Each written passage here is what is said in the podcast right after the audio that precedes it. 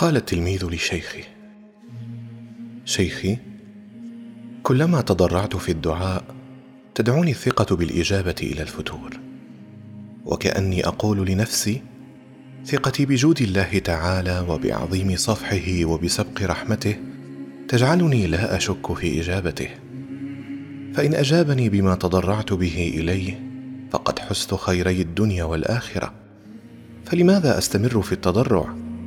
وإن لم يستجب لي بعد جهدي هذا في الخشوع والتضرع فأنا محروم لا طمع لي في نظر الله تعالى بإجابة دعاء.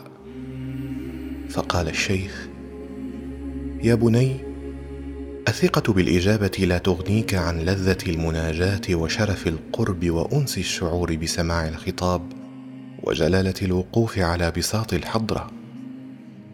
يا بني إن لم يذقك تضرعك ما هو أعظم من الإجابة فإنك لم تتضرع بعد. يا بني كيف تغنيك الإجابة عن التضرع؟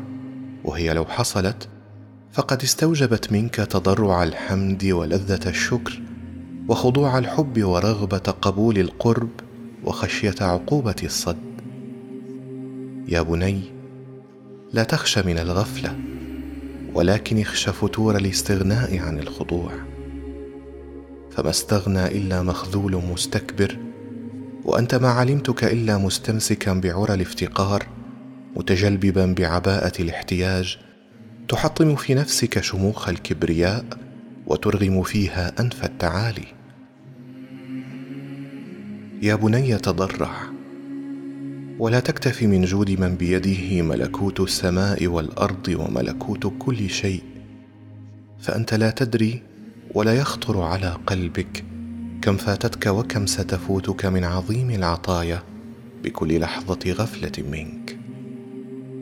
أرأيت الملك من ملوك الأرض ذا الثراء البالغ والسلطان العريض؟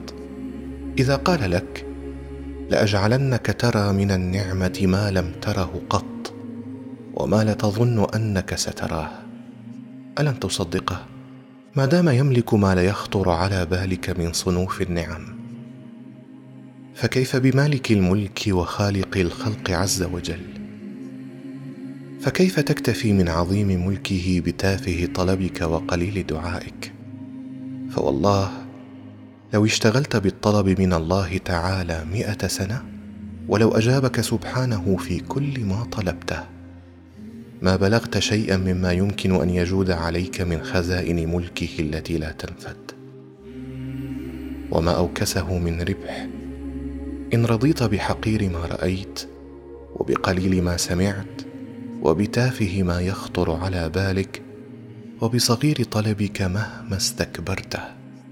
من خزائن ملك لا عين رأتها ولا أذن سمعت عنها ولا خطر ما فيها على قلب بشر ولا يحيط بها خلق ولا تنحصر على امتداد العد ولا تنقص مع اتصال العطاء ولا تزيد بالمنع ولا يأخذ مرور الزمان منها شيئا إلا إذا استطاع الزمان أن يسلب من الخلود شيئا.